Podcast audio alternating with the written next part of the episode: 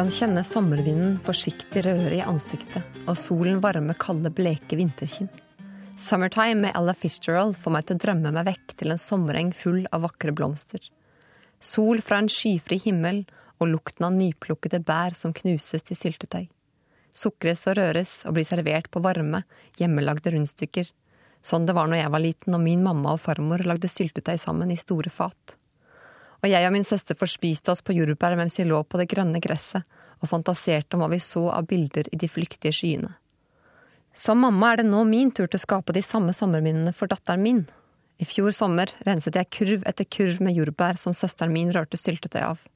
Mens datteren min, mine tre nevøer og en liten gjeng med besøkende barn løp ut og inn av huset og fikk hjemmebakte brødskiver med nysyltet jordbærsyltetøy på. De ivrige blikkene og bedende øynene som ba om å få nok en brødskive, minnet meg om et barns bekymringsfrie liv, slik det skal være. Mitt navn er Inger-Lise Hansen, og den neste timen skal jeg ta deg med på en liten reise gjennom noen av mine sterkeste sommerminner. Jeg håper du vil kjenne deg litt igjen, bli engasjert og forhåpentligvis også oppmuntret. Og først skal Ella Fitzgerald få gi oss sommerstemning med Summertime. Summertime er også en vakker godnattsang til et barn så godt beskyttet fra verdens vanskeligheter og forskjeller.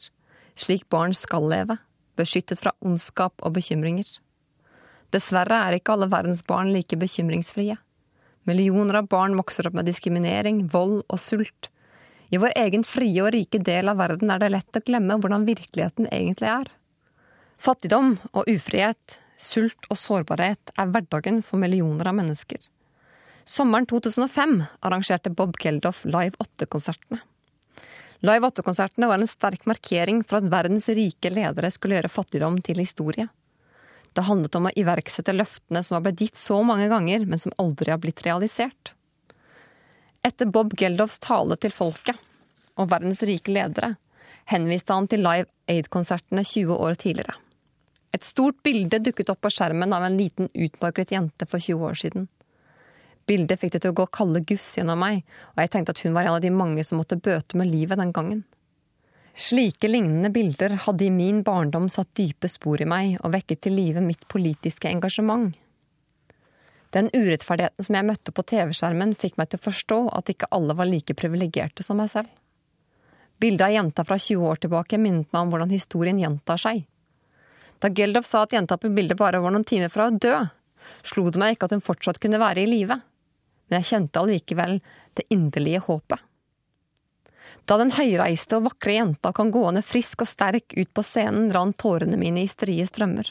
Jeg måtte ta meg sammen for ikke å begynne å hulke. På grunn av Live Aid og øyeblikkelig hjelp overlevde den utmagrede jenta, Biran Voldu. Og for meg så har hun blitt et levende eksempel på at det nytter. Det er aldri for sent å hjelpe noen. Og selv om verdens rike land fortsatt ikke har fått på plass en ny handelsavtale som gir fattige land en fair sjanse til å selge varene sine på verdensmarkedet, og selv om verdens rike ledere fortsatt ikke har gjort sitt for å gjøre fattigdom til historie, så nytter det ikke å lene seg tilbake av den grunn. Snarere er det heller på tide å reise kampen mot fattigdom på nytt og på nytt. Mens Biran Voldu sto på scenen, fremførte Madonna sitt bidrag på Live 8-konserten med sangen Like a Prayer, sammen med et stort kor med hvitkledde personer. Denne sangen har derfor blitt en sang som minner meg om at vi aldri må gi opp verken troen, håpet, engasjementet eller arbeidet for å bekjempe verdens urettferdighet. Den neste sangen står i kontrast til det dype alvoret i Live 8 og Madonnas fremføring. Det er en sang som gjør meg glad, og som gir meg fremtidstro. Den har fantastiske rytmer, og når jeg hører musikken ser jeg masse farger, dansende og glade mennesker, og det er rett og slett vanskelig for meg å sitte stille. Jeg har aldri vært noe stort fotballfan, så derfor handler sangen for meg om noe annet enn fotball, selv om det var en av de offisielle VM-sangene fra fotball-VM i 2010. Waka Waka It's Time for Africa handler i mine øyne om at Afrika lenge har vært et glemt kontinent. Sangen løfter fram et kontinent som trenger oppmerksomhet også på det positive. Mulighetene og menneskene som har styrke, vilje, og som trenger at resten av verden og de rike landene våger å gi dem mulighetene til en ny framtid. Gang på gang har jeg opplevd i mitt politiske liv at politikere og verdens ledere snakker med store ord om at det er på tide å gi Afrika en sjanse. I praksis har verdens ledere snarere valgt å overse utfordringene når det har kommet til stykket. Vi er på overtid når det gjelder å få verdens rike land til å se seg selv i speilet, og finne ut at ord og handling ikke henger sammen. I alle de tolv årene jeg var partipolitisk engasjert, pågikk WTO-forhandlingene som ble kalt for utviklingsrunden. Helt fra starten var målet å få til en ny handelsavtale som skulle gi de fattige landene økt markedsadgang, men fortsatt har ikke verdens land kommet fram til en felles enighet. Jeg har vært med på mange demonstrasjoner og jobbet for at mitt eget parti skulle bidra til å legge om norsk landbruk, slik at ikke våre egne støtteordninger ødelegger for fattige lands konkurranseevne. Og jeg har fått mitt pass påskrevet som fiende for norske bønder, og at mitt eneste ønske har vært å legge ned norsk landbruk. Det er veldig enkelt å si at vi vil gi fattige land de samme mulighetene som oss selv, men når alt kommer til alt, er det få som er villige til å ofre noe selv for at det skal skje. I 2005 var jeg sammen med mange andre og pakket inn offentlige bygninger i hvitt som en del av aksjonen Hvite bånd. Make poverty history. FNs tusenårsmål, som ble vedtatt ved årtusenskiftet, og som etter planen skulle bli innfridd innen 2015, kommer ikke til å bli oppfylt. Mange av målene har fått forsterket innsats, og det har skapt betydelig bedring i levekårene for fattige barn i verden. Likevel er det det siste tusenårsmålet, som handler om hva rike land også må gjøre, det målet verden har skapt minst endring på. De rike landenes vilje til å gjøre endringer er dessverre veldig svak. Waka Waka It's Time for Africa handler også om vår egen vilje til å våge å reise oss når vi faller som enkeltmennesker. Ingen av oss må bli liggende som et slakt om noen har slått oss i bakken. Det gjelder å komme seg tilbake på hesten og fortsette mot vårt endelige mål. Mitt motto er at faller jeg, så må jeg reise meg igjen. Afrika har vært slått i bakken, utnyttet av andre rike land. Mennesker har blitt og blir diskriminert, men det betyr ikke at det ikke finnes mennesker med de samme drømmene og håpene for sine liv som du og jeg har. Slik sett gir denne sangen et bilde av Afrika med fremtidstro, håp og vilje. Å bekjempe fattigdom er et politisk spørsmål. Det handler om vilje, vilje til å si at nok er nok av rike lands egoisme. For meg handler den også om viljen til å gjøre fattigdom til historie. Ofte forstår vi verden i verdensdeler, eller vi forstår verden gjennom et lands økonomiske situasjon. De fattige landene og de rike landene. Vi er alle forskjellige og unike, men ofte glemmer vi kanskje at vi mennesker også har samme behov, og derfor bærer på mange av de samme følelsene. Og at vi ikke er alene i denne verden. Sangen Everybody Hurts med REM minner meg om at vi mennesker er likere enn vi kanskje våger å tro. Sangen handler om våre savn, våre sorger, vår ensomhet og vår frykt. Savnet etter trygghet og noen å dele livet med. Sorgen etter å ha mistet en kjæreste vi hadde. Ensomheten i at ingen forstår våre behov, tanker og ideer. Frykten for aldri å være god nok. Jeg tenker at sangen også handler om vår svakhet til å ikke våge å gjøre seg sårbare overfor andre mennesker, ved å dele våre savn og vonde følelser. Sangen er en appell om at vi trenger å bygge ned murer mellom oss mennesker. Ofte tror jeg vi kler oss i en forkledning som tilsynelatende viser at vi har det så utrolig bra hele tiden, fordi vi ikke våger å vise våre egentlige følelser, vonde som gode. Den manglende kunnskapen om hverandre bygger en mur mellom oss fordi vi ikke ser og forstår hvem vi egentlig er. Våger vi å gi av oss selv, vil vi bli friere og lykkeligere, og det vil gi oss større innsikt og forståelse for hverandre. Det er alltid veldig lett å tro at mennesker som ser vellykket ut, aldri har kjent smerte, eller vet hvordan det føles å være ensom eller forlatt. En person med masse penger, hundrevis av venner, spennende jobb og stor familie, som jeg fort kan tenke at har alt, kan være mer ensom og ha det vondere enn mange andre. Det ytre bildet behøver ikke være likt med den indre sannheten. Vi bør slutte å forholde oss til hverandre som om vi tror vi vet hvordan andre har det, eller dømmer folks erfaringer ut fra hvordan de fremstår. Jeg har selv blitt såret av at andre som har slengt kommentarer om at du har vel aldri opplevd motstand i livet, og jeg har sett gode venner som har hatt det tøft, alltid får beskjeden om at du har det så greit, du, og det gjør vondt når mennesker tar feil av vårt indre selvbilde og selvtillit. De fleste av oss er mye mer sammensatte og har mange flere sider enn det selv våre næreste og beste venner vet. For meg handler Everybody Hurts om åpenhet, om å våge å åpne seg selv overfor andre mennesker, og innse at ikke vi er alene, og at mange har det kanskje akkurat som oss. Dette er Sommer i P2, og du hører på Inger-Lise Hansen. Kanskje er ungdomstiden vår den mest ensomme tiden i livet, selv om vi kanskje var omgitt av venner og personer på alle kanter. De voksnes krav, forventningene fra venner og jakten på å passe inn gjorde at jeg som mange andre aldri følte jeg ble god nok. Utilstrekkeligheten kan forsterke frykten for å miste vennene våre. Frykten for å dele følelser sørger for at vi blir sittende alene med alle tanker som hadde blitt mye enklere å bære om vi hadde delt dem, og gir ikke minst en opplevelse av ensomhet. En av mine ungdomsvenninner har en vakker sangstemme og har en iboende kreativitet i seg som jeg beundrer. Hun er vokalisten i en gruppe som heter Darling West, fordi den første sangen deres også heter Darling West. Denne sangen er så skjør, akkurat som ungdomstiden, full av muligheter som det ikke alltid er så lett å gripe.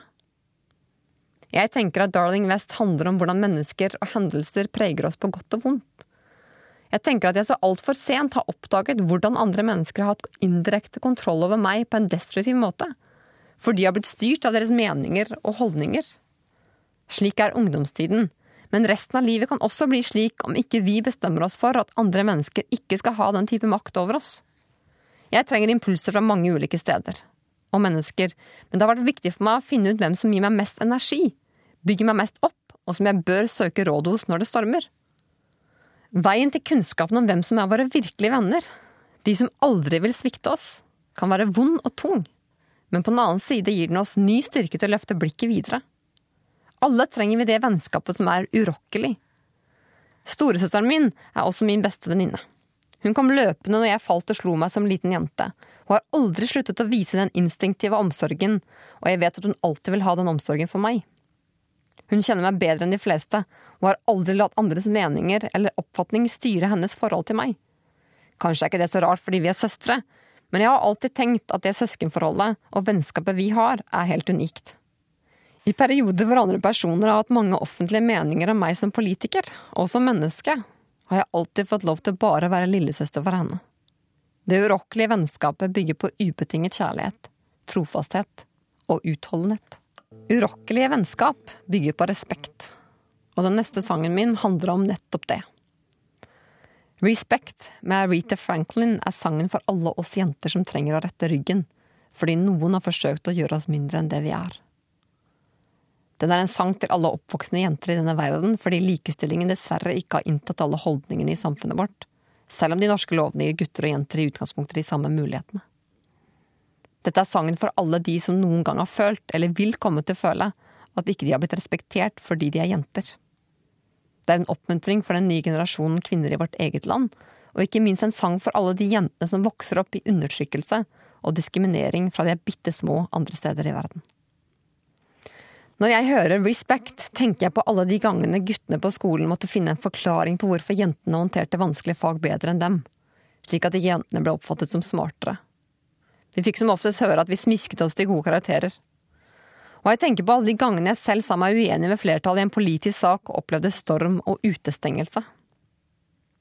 Og jeg tenker ikke minst på de fire jentene som jeg ble godt kjent med da jeg var på prosjektreise med utviklingsstudiene mine på Høgskolen i Oslo. I en liten landsby i Mali, alle var de elever på videregående, men forutsetningen for at de skulle klare å fullføre, var helt annerledes enn forutsetningen for guttene. Hver eneste dag sto de opp klokken fem for å hente vann og ved og lage frokost. I lunsjpausen på skolen måtte de hjem og lage lunsj og forberede middagen. Etter skoledagen var over, var det middagslaging, klesvask og andre huslige sysler. Rundt halv elleve på kvelden begynte disse jentene å gjøre lekser. Gutta de spilte fotball og gjorde som de ellers hadde lyst til. Likeverd og likestilling starter med respekt for hverandre. Det er en grunnleggende verdi som vi alle må lære å vise, men også en verdi vi må våge å kreve. Dette er Sommer i P2, og jeg heter Inger-Lise Hansen. Eh, mot slutten så har jeg lyst til å spille to sanger om kjærlighet som betyr mye for meg. Den første sangen er The Prayer med Andrea Bocelli og Céline Dion. Den ble fremført som en duett i bryllupet til min mann og meg for ti år siden, akkurat denne sommeren. Og hver gang jeg hører den sangen, så sitter jeg tilbake i Borre kirke, som vi ble viet i. Den ligger øverst på en slette nedover mot Oslofjorden, som et majestetisk landemerke med sine hvitmalte vegger og sorte spir omgitt av store løvtrær. Etter uker med gråvær og striregn våknet jeg til solskinn og varm sommerbris på bryllupsdagen vår. Og når jeg lytter til den sangen, kan jeg kjenne det havet av følelser som den dagen vekket i meg. Den boblende gleden over å vite hvor høyt jeg var og er elsket av en mann som hadde tatt meg med storm. Den kriblende nervøsiteten over å være i sentrum av alles oppmerksomhet. Og den dype hengivenheten og vågalheten i å våge å si ja til et helt liv sammen med en mann i en alder av 21 år. Jeg kan fortsatt kjenne hvordan hjertet banket ekstra kjapt idet kirkedøren gikk opp, og blikket mitt møtte min stolte, lyslugede mann i kjole og hvitt, som ikke klarte å stå stille der framme ved alteret. Det var akkurat som om det sitret av glede i hele han, og blikket han sendte meg mens jeg gikk oppover kirkegulvet, så det tvil i alle mine lave tanker om meg selv, og fikk meg til å føle meg som den vakreste og beste i hele verden. Jeg syns rett og slett at The Prayer er så vakker og mektig at jeg får frysninger. For meg som beskriver denne sangen ekte kjærlighet og omsorg, og ikke minst en sterk vilje til å gå sammen, uten å vite hva framtiden bringer. Den minner meg om vårt modige skritt som kjærester, og den minner meg om at kjærligheten er mektig om vi lar den vinne. Jeg har sett mange mennesker som ikke har våget å la kjærligheten vinne i frykt for å bli såret, i frykt for å bli avhengig av et annet menneske. Men hva er vi vel uten noen å dele livets gleder og sorger med? Kjærlighet er ikke noe som kommer og noe som går. Det er noe vi finner, og som vi fortsatt må kjempe for å finne tilbake til. Som vi må kjempe for å styrke, bevare og aldri la bli overvunnet av destruktive krefter. For meg handler sangen jeg skal spille også om å våge å tro at vi ikke er overlatt til oss selv, men at det også finnes en gud som passer på oss. Den handler om et sterkt ønske om at kjærligheten mellom to mennesker skal beskyttes. Det vil alltid være vågalt å gifte seg og velge å dele resten av livet sammen med et annet menneske, uansett hva som skjer. Det er en dyp bønn om at de to menneskene som elsker hverandre, skal bevare sin tro på at forholdet skal vare evig, og at de aldri skal miste troen på kjærligheten. Blandingen av engelsk og italiensk tekst gjør sangen spesielt vakker og poetisk, og det uttrykker for meg blandingen av det vi kan forstå, og det vi ikke kan forstå. Kjærligheten er vakker, men kan også være smertefull. Sangen Og gjev du batt meg med Valkyrien Allstars viser i mine øyne denne kontrasten. Vi kan frykte for kjærligheten, avhengigheten denne kan skape i oss, men samtidig er vi nødt til å bli sårbare for å finne den ekte kjærligheten. Å bli avhengig av et annet menneskes kjærlighet kan gjøre vondt. Det gjør oss mennesker så utrolig sårbare. Victoria av Knut Hamsun er en historie om ulykkelig kjærlighet, skrevet for mange år siden. Men som Iben Akelie, som skal spille Victoria, har sagt, i dag blir man oppfordret til å ikke velge kjærligheten, man skal ikke etablere seg med andre fordi man skal heller realisere seg selv. Kjærlighet handler først og fremst om å våge å hengi seg, våge å tro at noen andre kan elske oss akkurat som vi er. Det sterke ønsket om å ikke forholde seg til resten av verden, konvensjoner eller hva andre måtte synes og tenke om at man lar seg bli så avhengig. Vi mennesker trenger hverandre. Vi trenger andres kjærlighet. Vi trenger å vite at noen er villig til å gå gjennom ild og vann for oss. Den intense lidenskapen i denne sangen vitner om dramatikken i et forhold. Den handler om at vi alle kanskje ønsker å bli elsket så høyt at vi ikke blir sluppet fri. Jeg husker den usikre forelskelsen da jeg ikke visste hvor høyt min mann elsket meg. Da jeg konstant fryktet at alle mine dårlige sider ville støte han vekk skritt for skritt. Da jeg ikke forsto at det var mulig at noen kunne elske den temperamentsfulle, sinte, utålmodige, irritable jenta. Det gjelder å la seg selv også bli elsket til tross for alle menneskelige minussider. Valkyrien Allstar synger og spiller og gjev dubatt meg med en lidenskap som fyller meg med en intens styrke til å tro på kjærligheten.